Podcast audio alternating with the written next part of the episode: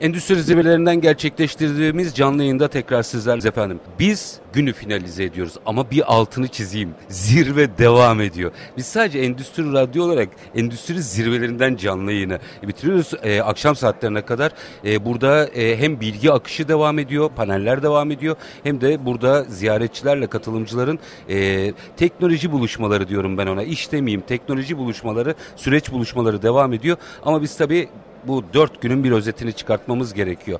E, kıymetli bir konuğumuz var. Endüstri Medya CEO'su Recep Akbayrak bizlerle birlikte. Üstadım hoş geldiniz. Üstadım teşekkürler. Sizlere de geçmiş olsun diyelim. Ee, bilmem ki kaç saatlik rekor kırdınız gün içerisinde bilmiyorum kaç tane program yaptınız. Var olun olsun. Taş üstüne taş koyduysak e, ne mutlu bize evet, Türk reel sektörü açısından.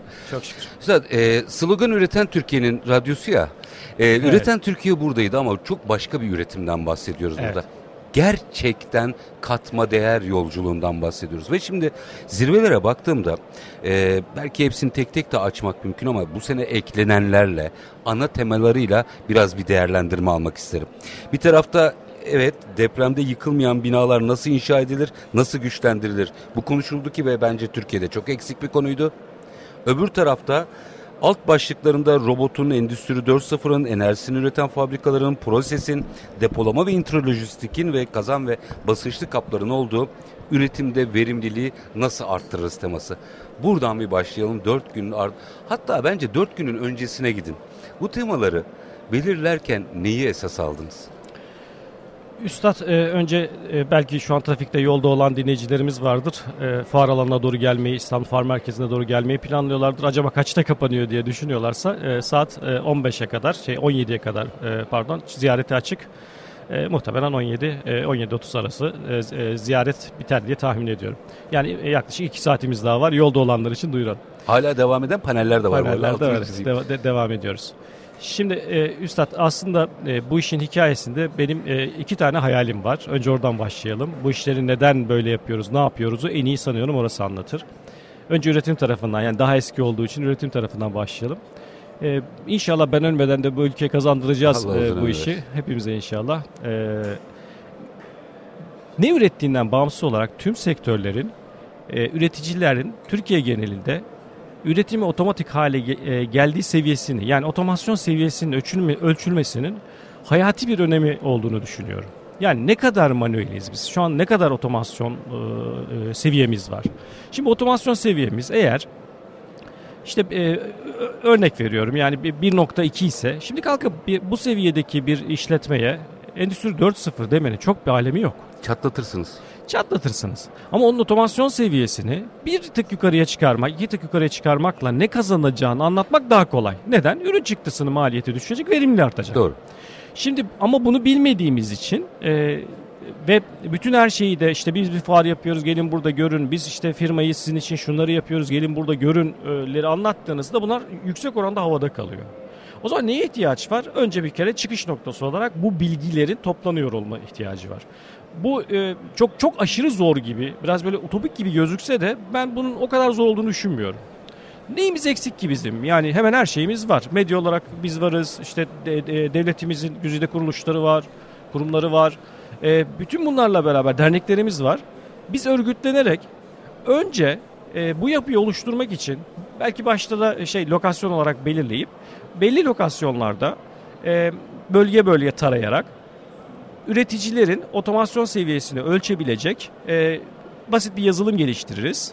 E, mühendislerimiz oraya gider, yerinde bir gözlem yapar. E, bunu böyle çok çetrefilli yapmaya da gerek yok. Zaten e, işin uzmanları bir, bir bakışta anlıyor doğru, yani ne yapıldığını. Doğru. Fabrikaya girdiğinde, anlıyor. Girdiğinde anlıyor. E, üretim tesisine yani ben e, ille de böyle devas fabrika deyince böyle devasa işletmelerde göz önüne gelmesin. Üretim doğru, tesislerinde. Doğru. Şimdi bunu gördüğünüz an itibariyle işte e, bir yerde bir e, otomatik bir şey var mı? Örneğin bir robot var mı? Bir, bir robotun yap, yapabileceği bir şeyi hala işte e, dünya kadar ağır bir şey insan mı kaldırıyor? E, akşama kadar o bir şeyleri taşımakla mı uğraşıyor? O insanı oradan kurtarabilir miyiz? Kurtardığımızda verimli nasıl arttırırız?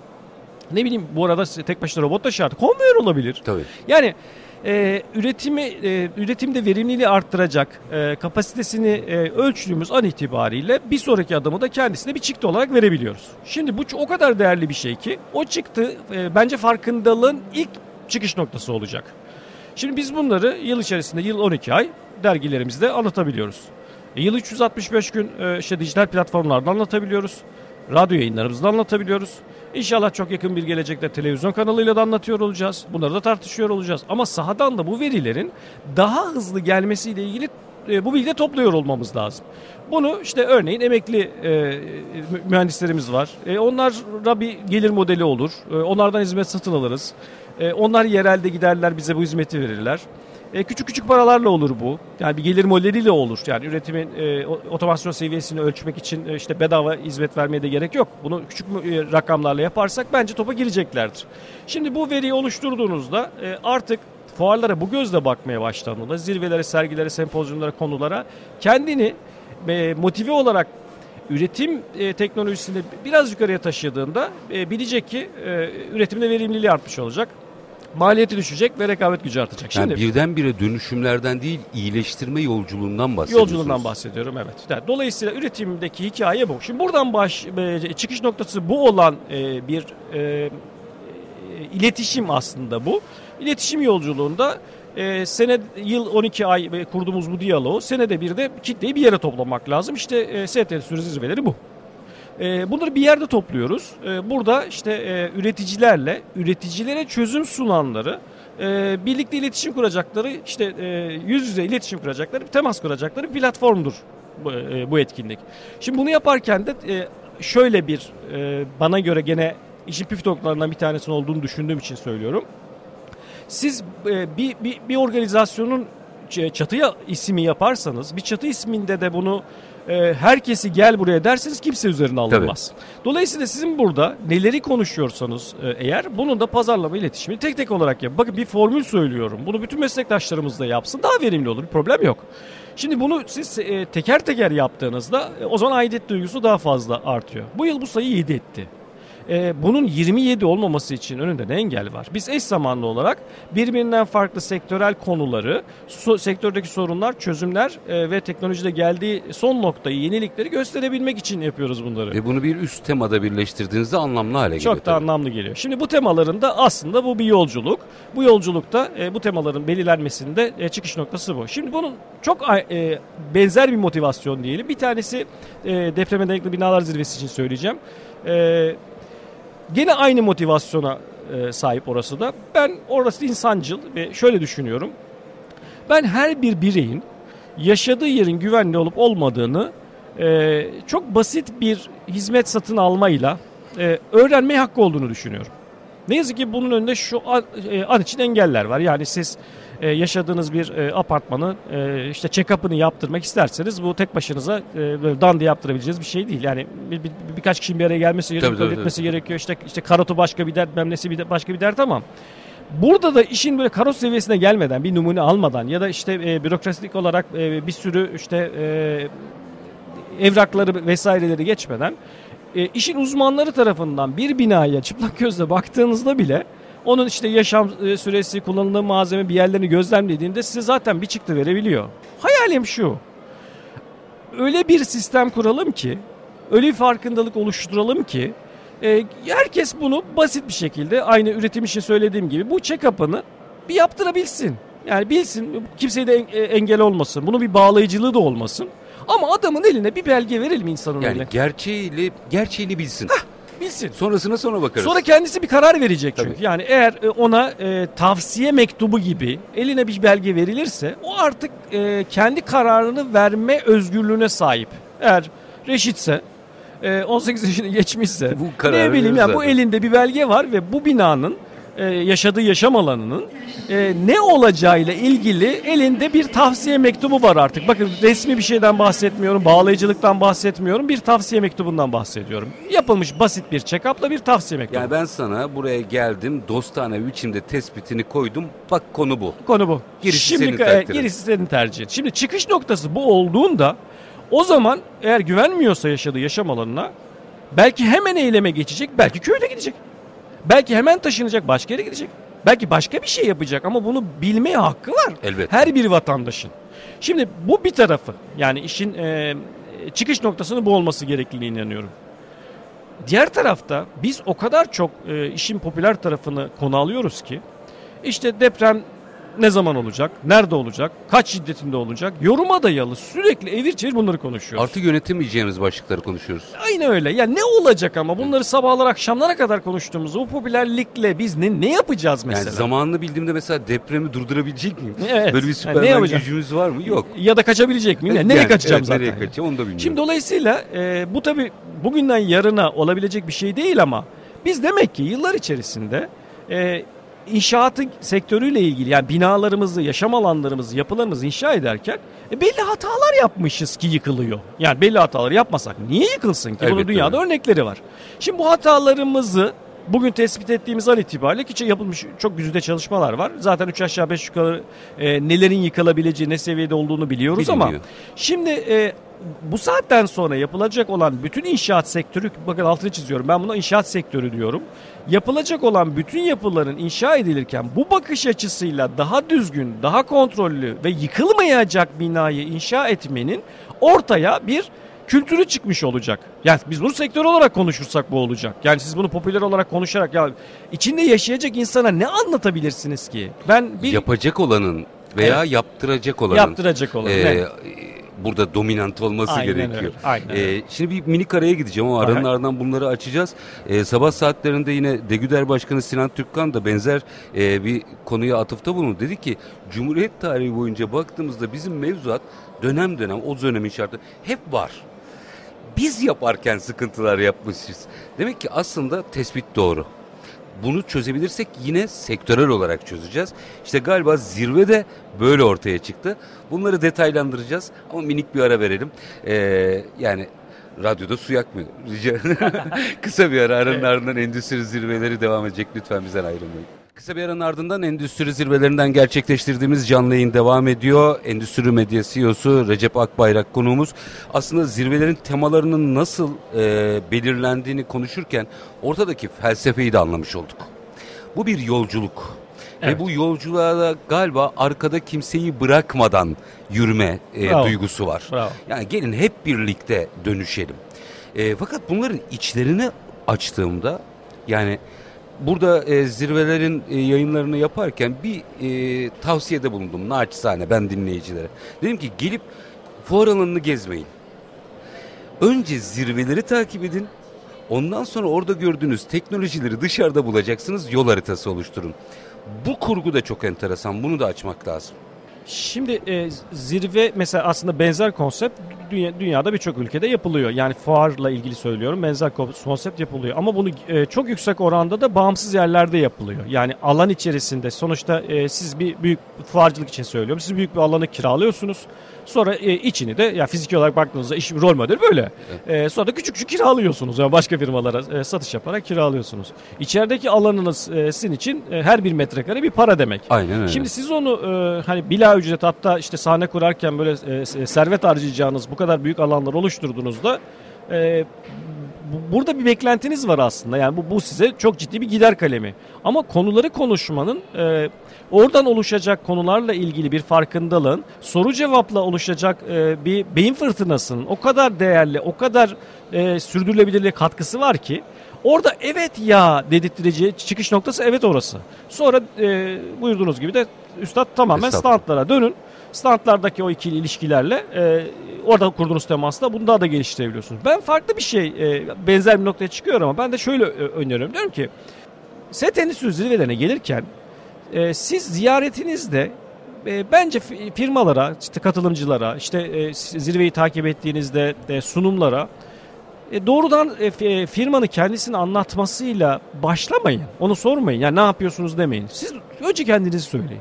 Katılımcı firmalar, burada çözüm sunanlar, uygulamaları olanlar sizlere e, sizin sektörünüze göre işlerini anlatsınlar. Çünkü şurası çok havada kalıyor ve bence zaman kaybediyoruz. Bizim çözümlerimiz her sektörde kullanılıyor. Hadi topu taça Yani çıktı çok yer. romantik bir yer bir Evet, şey yani ama. bu, bu kimse üzerine alınmadı gitti. Evet. Şimdi tamam da benim sektörümde ne yapıyorsun sorusu var. Şimdi o benim sektörümde ne yapıyorsun sorusunu sormadan da cevap alamazsınız. O kendisini anlatmaya başlıyor. E, kendisini anlatırken de e, çok fazla cümle kuruluyor, dağılıyor ve aslında çok verimli yapılabilecek işbirlikleri e, orada e, gereksiz yere tıkanmış oluyor Bakalımla virgülleniyor. virgülleniyor. O da zaman maalesef zaman kaybı. Şuradan başladığınızda işte ben şunu üretiyorum. E, işte e, demin o e, e, reklamlardan önce bahsettiğimiz işte otomasyon seviyesini soru cevapla aldığınızda bile yani şu anda işte e, otomatik olarak neyiniz otomatik ne seviyedesiniz konuştuğunuzda bile birkaç e, neredeyse iki dakikayı sürmeyecek bir sohbetle onu hem e, üretici hem de üreticiye e, çözüm sunan e, tedarikçi adayı çok hızlı bir şekilde anlayacak ve bu konuyu daha verimli halde e, beyin fırtınasına dönüştürebilecek. Siz bunu e, biraz zaman ayırdığınızda yani bir fuara geldiğinizde e, yani erkenden çıkayım da trafiğe kalmayayım falan demezseniz eğer e, bunu olabildiğince işte geldim nasılsa buraya e, ben bunu en verimli bir şekilde kullanayım deyip e, işte en azından bir yarım gününüzü ve mümkünse yarım gününüzden biraz daha fazla bir zaman ayırmaya hazırsanız eğer stand başına ayıracağınız zamanı da bölerek bu stratejiyle buradan çıktığınız an itibariyle yarın neler yapabileceğinizi ve bu konuda kimlerle oturup masaya fiyat teklifi seviyesine gelebileceğinizi kafanızda net bir şekilde şekillendirmiş oluyorsunuz. Yani aslında e, taslak yol haritası belli oluyor. Evet. Taslak yol haritası Çünkü çıkıyor. niyetlendiniz ki soruyorsunuz. Evet. E, mesele burada. Ya da o zirvede sizin de yapabileceğinizi anladınız ki soruyorsunuz. E, bunun eğer buradan yürümezseniz e, kendi işini anlatıyor. Teşekkür ediyorsunuz. Kartlaşıyorsunuz. El sıkışıyorsunuz ama iki tarafta da bir algı oluşmamış oluyor. Havada kalıyor Havada iş. kalıyor iş. E, yine zirve başlıklarına baktığımızda zaten depreme dayanıklı binaların çıkış noktası belli. E, ve bence bu Türkiye'de çok şeyin tartışılması gereken bir başlık. E, 2, 3, 5 bu böyle gidecektir diye düşünüyorum. Bu tarafa baktığımda enteresan şeyler gördüm. Tabii ben yayınlardan fırsat kaldığı sürece o dolaşmalarımda tespit ettiklerimi bir aktarayım. Siz açın ne olur. Buyurun. Robot işi bitmiş. Yani eskiden robot diye algıladığımız tek kollular artık romantik böyle "Aa, sıradan böyle enteresan şeyler konuşuyorlar. Evet. Ee, bir kere orada bir sıçrama olmuş. Orayı bir analiz etmenizi rica edeceğim. Evet. İkincisi Endüstri 4.0 e, en azından doğru sorgulanmaya başlanmış. Harika. Bu çok Doğru. önemli. Çok iyi bir gözlem. Aynen öyle. E, enerjisini üreten fabrikaları konuşmuyor. bile. O herkesin derdi bence ilk gün, ilk zirvede bence herkes anlamıştı onu. Ama halen yapılabilecek yeni şeyler olduğunu e, fark etmeye başlamışlar insanlar. E, proses bence hepsinin ortak noktası zaten. Proses olmadan diğerlerini halledemiyorsunuz. Şu iki zirve. E, kazan ve basınçlı kap çok hayati. Bir tarafta güvenlik bir tarafta Evet, enerji açısından. Depolama intralojistik. Üstad bu başlık nereden çıktı? bu başlığın da bu, bu hikayesi acayip bir şey çünkü e, herkes buraya yöneliyor. Hikayesi şöyle. e, bir işletmede ne ürettiğinizden bağımsız olarak e, içeriye ham maddenin ilk girişinden başlayarak e, işlenerek e, ürün haline dönüştürüp sevkiyatından işte e, araçlara yüklenip gide, gide- gideceği her süreç bizim odaklandığımız tüm proses, tüm süreç. Şimdi burada e, hiçbir şeyin eksik kalmaması lazım. Mesela e, burada tabii en önemli değer insan kaynakları. Şimdi insan kaynakları ile ilgili bu zirvelerin içerisinde entegre edilmesi gereken eksik ayaklardan bir tanesi. Bilişim eksik ayaklardan bir tanesi ama bizim orga, e, konsantre olduğumuz yer burada hiçbir eksiği bırakmamak.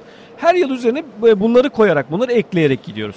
Ama hakikaten e, yani benim de e, burada tanıştığım ve inanılmaz yeni yeni çözümlerin geliştiği e, intralojistik alanında çok güzel şeyler ben de gördüm. Dedim biz yapıyoruz ya bunu. Bir de böyle şey e, Türk patentli işte bizim Tabii, ülkede tabii, falan insan bir, bir gurur, gururlanıyor. E, bu e, örneğin hani geçen senenin üstüne koymuş, çok koymuş. Yani bu inanılmaz güzel bir şey. E, her sene de üzerine koyarak geliyor. Mesela biz e, enerji tarafına da bu yönüyle değinmek isterim. Bundan 4 yıl önce enerjisini üreten fabrikalar zirvesinin ilk çıkış noktasında Happy Top 17 firmayla başladığımız bu yolculukta öyle büyük bir ilgiyle karşılaşmıştık ki e, salonlara insanlar sığmamış e, dinleyicileri e, nereden e, şey sahneyi gördürebiliriz de bu sunumları dinletebiliriz diye biz kara kara düşünür hale dönüşmüştük. Söylemezsiniz şimdi ben söyleyeyim. Her gece salon büyütülür mü? Evet öyle öyle Yani olmuştu. yetmedi. Evet. Hadi genişletelim. E, Genişletelim. Her akşam o salon büyütüldü çünkü dinleyenler sığmıyordu. sığmıyordu. Şimdi oradan e, yani o yapıdan bugün e, bu noktalara geldi çok şükür. Ancak e, şunun için açtım bu başlığı. E, öyle rüzgarlar oluyor ki siz o rüzgarları e, ilk e, e, yelkenlerinizi iyi doldurduğunuzda çok iyi yol alıyorsunuz. Şimdi enerji tarafında şu an seninle sonuna geldik. E, yatırımlarla ilgili bu işin en çok e, bir ara çok iyi giden tarafı için söylüyorum. E, işte e, güneş enerjisi GES yatırımlarıydı.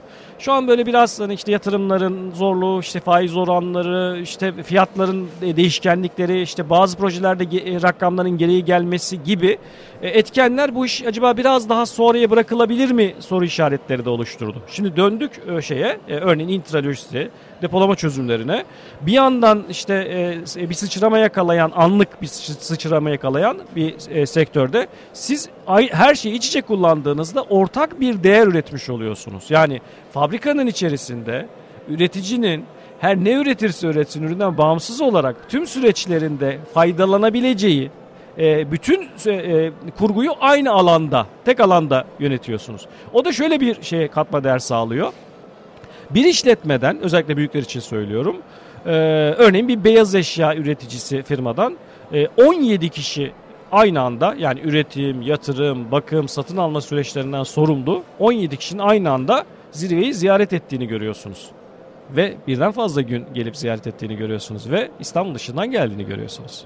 Şimdi bunu eğer siz e, tek başına sadece enerjiyle yaparsanız, tek başına sadece e, işte e, depolama çözümleri olarak yaparsanız ya da sadece robot yaparsanız bu paydaşlığı ortadan kaldırmış olacaksınız. İşte o dinamizm ve ilişki de kopuyor o zaman.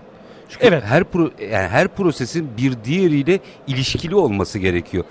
Tam, tam verim için. Aynen öyle. E, çünkü konular birbirini tamamlayıcı ya. Yani mesela siz e, işte, fabrikanızda bugün e, e, konunun muhatapları birbirinden departman olarak farklı ama e, amaç aynı. Tabii. Tek yani, bir tek bir tane amacınız Tabii. var. İşte bu ürünü en e, kaliteli şekilde, verimliliğinizi en iyi artırarak, üretim süreçlerinizde e, siz kayıp kaçaklarınızı en iyi şekilde önleyerek en sonunda ne yapmış oluyorsunuz?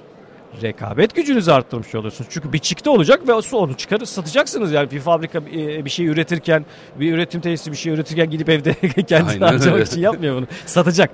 Satarken de mutlaka bunu e, en iyi fiyata satması. Yani rekabeti yönetmesi lazım. E, bu arada enerjiyle ilgili de bir, bir tık açın ne olur? Ee, evet belki bugün sadece meseleyi fiyatlar üzerinden konuşuluyor veya yatırım zorlukları vesaire ama yatırımda dünyada finansmanın açık olduğu tek konu. Evet. Ee, bu çok önemli. İki, bağıra bağıra gelen bir 2026 var. Bu ihmal edilmemesi gereken bir başlık. Onu da bir hatırlatalım tekrar değil mi? Açalım Üstad. Ee, şimdi 2006 e, dediğiniz 26 e, dediğiniz şey de hakikaten çok kısa bir süre. Yani bu böyle hani dile kolay gibi düşününce böyle ya neyse ya daha iki sene var falan öyle bir şey değil bu. Hemen geliyor. Yani üretim süreçleri için, e, işletmeler için bu kadar e, kısa süreleri planlamak gerçekten kolay değil. Şimdi bunu dönüp baktığınızda bu bir süreç e, bu işte hemen birazdan yıl kapanacak. Çok kısa bir zaman Bitti. kaldı. Ve siz e, artık şapkanızı önüne, önünüze alacaksınız. Ve bu başlıkla yani 2026'dan sonra başınıza gelecekler eğer yetişemediyseniz eğer başınıza geleceklerin maliyetinin ne kadar yüksek olduğunu anladığınız an itibariyle buradan mutlaka iş planlarınızı entegre etmek durumunda kalacaksınız. Ve bu zaman gerektiriyor. Ve bu kesinlikle zaman gerektiriyor. Kısa da olmuyor bu zaman. Şimdi bunun ya işte buradan e, e işte e, bu zirve kapanacak. Bir yeni yılı planlarken e, biz de işte zirveyle ilgili yansımaları kısmen paylaşırsam eğer işte yerimizi büyütelim. Arkamızı da bize verin. İşte e, biz işte önde yer açılırsa mutlaka haberimiz olsun. Hani böyle biraz işin PR tarafları e, e, konuşuluyor an itibariyle. Ama zaman çok kısa. Yani yeni yılı planlarken bizim hep topu aslında maksimumda neredeyse bir hafta on günümüz var. Yani Doğru. yıl bitiyor. E, bir hafta on gün içerisinde ortaya bizim plan koyuyor olmamız lazım. Şimdi enerji başlığı bu planın içerisinde bir numaralı konu olmak zorunda. Çünkü bütün istisnasız bütün işletmeleri ilgilendiren ve bağıra, e, sizin örneğinizdeki gibi bağıra bağıra gelen bir konudan bahsediyoruz. Hiç de zamanımız yok. Bunu Yönetmek çok iyi değerlendirmemiz gerekiyor. lazım. Ee, peki sonuna doğru yaklaşıyoruz ama bir bir beş dakika daha çalacağım, bir beş dakika daha çalacağım sevgili Hakan. Hazır Recep Bey'i de bulmuşuz. Ee, Üstad, yarın işte bu bir yolculuk. Bunun evet. altını çizelim. Siz de aslında sözlerinizde bunu çok e, bir puzzle'ın parçaları gibi anlatıyorsunuz evet, ama. Evet ben dönüşümü bile yani da, daha az kullanıyorum. Yerine gelişimi daha çok kullanıyorum. Yaşayın. Ee, yarına ilişkin baktığınızda şu, şunun altını çizeyim. Mesela artık verimlilik anlatmıyoruz kimseye. Sürdürülebilirlik ee, daha önemli. Hayır şu açıdan herkes verimli olması gerektiği konusunda ikna olmuş. Nasıl verimli olacağını bilmiyor bu zirvede zirvelerde benim gördüğüm herkesin bu sorunun yanıtını arıyor olması. verimlilik, sürdürülebilirlik ve rekabet edilebilirlik baktığınızda sizin öngörüleri, sizin araştırdığınızı bilirim. Ee, önümüzdeki yıllarda bunlara neler eklenecek? Bizim hayatımıza neler girecek daha? Şimdi e, bizim burada aslında en e, temelinde uyguladığımız bir kere gerçekçi olmak lazım. Ticari işletmeleriz. Şimdi ticari Elbette işletmeler e, sürdürülebilirlikleri için belirli bir gelir e, kazanmak zorundalar. Yani bu e, o kadar büyük rakamlardan bahsediyoruz ki bu işte firmalar işte Allah korusun bir üretim süreçlerinde bir takım hatalarda biraz geri kaldıklarında işte büyük dev markaların geçmişte e, süreci iyi yakalayamadıklarını, iyi yönetemediklerinde nasıl kayıplar yaşadıklarını işte e, hafızamıza hemen bir iki marka beliriyor. Daha bunun işte orta ölçekleri var, küçük ölçekleri var. Siz orada bir hata yaptığınızda bunun bedeli çok ağır oluyor. Şimdi bu süreçte e, verimlilik sizin için sırasıyla gidersek eğer e, rekabette en çok odaklanmanız gereken yer. Çünkü orada ciddi bir e, kayıplar, kaçaklar var, yetersizlikler var. E, bu da size çok ciddi manada bir e, bedel olarak karşınıza çıkıyor. Sürdürülebilirlik bu işin dünyada bir takım yaptırımları var, attığınız imzalar var, bağlayıcılığınız var, kanunlar var. Mutlaka bunun için e, tabii işin sosyal boyutunu da mutlaka bir numaraya onu koyalım ama e, bunun her birinin bir e, çıktı olarak size bir maliyeti var eğer bir hata yaparsanız. Şimdi bu başlıkları e, birleştirdiğiniz an itibariyle e, değer odaklı olarak siz bunu artık gündemimden düştü diyebileceğiniz bir şey değil. Bu bir sopa değil ki. Yani işte üzerimden kalktı ben de bu işi artık rafa kaldırayım. Öyle bir şey değil bu. Bir yolculukta, üretim süreçlerinizdeki bir yolculukta hayat boyu devam edecek ve sizin için çıktı olarak her daim iyileştire iyileştire, geliştire geliştire devam edeceğiniz bir serüvenden bahsediyoruz Üstad. Birazcık daha açayım mı burayı? Lütfen buyurun. Ee, şimdi yeni isimler buluyoruz tabii. Mesela paylaşım ekonomisi. Kümelenmeyi anlamayanın paylaşım ekonomisini anlaması mümkün mü? Size sorayım. Şimdi, bizim ilk önce şu kümelenmeyi bir daha anlatmamız gerekiyor. Hemen anlatalım. Ee, şimdi kümelenme ile ilgili bizim yeni e, bununla ilgili birkaç farklı versiyonla deme, denemelerim olmuştu ama e, Endüstri 4.0'ın hikayesi gibi e, e, iş bundan e, daha Happy Top'u birkaç sene öncesinde hala buhar kazanlarından başlayarak anlattığımız süreçler vardı. Şimdi çok şükür oralardan çıktık. Artık Endüstri 4.0'ı da böyle bir sihirli değnek olarak değil e, daha böyle bir gelişim yolculuğu olarak konuşmaya başladık ve nihayetinde de bugün gerçekten de ürünleri konuşabiliyoruz, hizmetleri evet. konuşabiliyoruz ve alışveriş var, siparişler alıyoruz, imzalar atıyoruz ve, ve üretimimizi iyileştiriyoruz. Şimdi burada olduğu gibi e, aynı süreç e, burada da başlıyor. Yani siz bu sürdürülebilirlik e, açısından bu değeri eğer oluşturursanız bugün geldiğimiz nokta itibariyle bunun bir yolculuk olduğunu, her an bir geliştirebileceğiniz bir şey olduğunu artık unutmamak gerekiyor. Son şunu soracağım. Bütün bunların bir iletişim stratejisi içerisinde de yönetilmesi gerekiyor. Hiç şüphesiz öyle. Yani siz biliyorsunuz firma ben firmayım gibi baktım buna. Firmayım bir yolculuğum var. İşte bu dönüşümü konuşuyorum. Yapmaya çalışıyorum falan. Şunu açmanızı rica edeceğim. Son dönemde hatta Avrupa Birliği bu konuyla ilgili standart bile e, evet, çıkartmaya evet, başladı. Evet. Yeşil boyama. Şimdi uzmanlığı pazarlama olan bir isme bunu söyleyeyim. Bu işi sağlıklı bir biçimde safiyane anlatmak için buradaki iletişim stratejileri ne olmalı? Yeşil boyama yapılmadığını düşünmek istiyorum. Ama ben bu yolculuktayım ve bir firma olarak bunu muhatabıma doğru anlatmak istiyorum. Orada yapılan hatalar neler? Ee, Üstad şimdi e, işin gene iş dönüyor dolaşıyor e, mutlaka üretimde verimlilik, sürdürülebilirlik e, bu bütün bunların her birinin aslında siz en iyi de yapsanız bunu iyi anlatamadığınızda bunun bir karşılığı yok. Şimdi iyi anlatabilme noktasında da e, toplama dönüp baktığımda bizim gerçekten çok zorlandığımız alanlar görüyorum.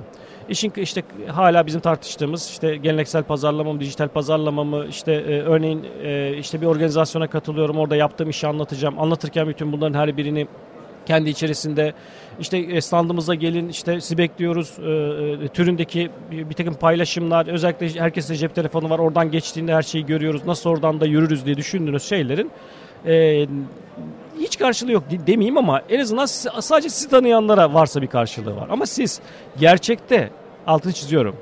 Nasıl bir değer ürettiğinizi paydaşlarınıza doğru bir iletişim stratejisiyle anlatamazsanız karşılığı yok. Yani ben yani geleyim de firmanızı değil, değer, ürettiğiniz, ürettiğiniz değerleri değer, anlatın. Ürettiğiniz değerleri. Şimdi ürettiğiniz değerleri merkeze aldığınızda e, sizi o zaman muhatap alıyor potansiyel müşterileriniz. Geriye kalan şey e, sadece marka bilinirliğinizi de artırır. E, onu da biraz da zaten işte biz çok iyi de gidiyoruz. Hani bizden başkası da e, hani zayıf gidiyor falan dediğiniz şeyin hiçbir karşılığı yok. İşte bu değere odaklandığınızda bunu e, bütün süreçlerinize uyarlayabiliyorsunuz. Şimdi bu e, küme başlığındaki e, e, sorunuza gelince de e, bunu e, mutlaka artık e, rekabet etmek yerine e, mutlaka ortak paydaşlarla birlikte hareket etmek, kümelenmek günümüzün en önemli katma değerleri. İşte o küme içinde e, e, biz e, teknokümeyi kurduk. Teknokümede amacımız şu.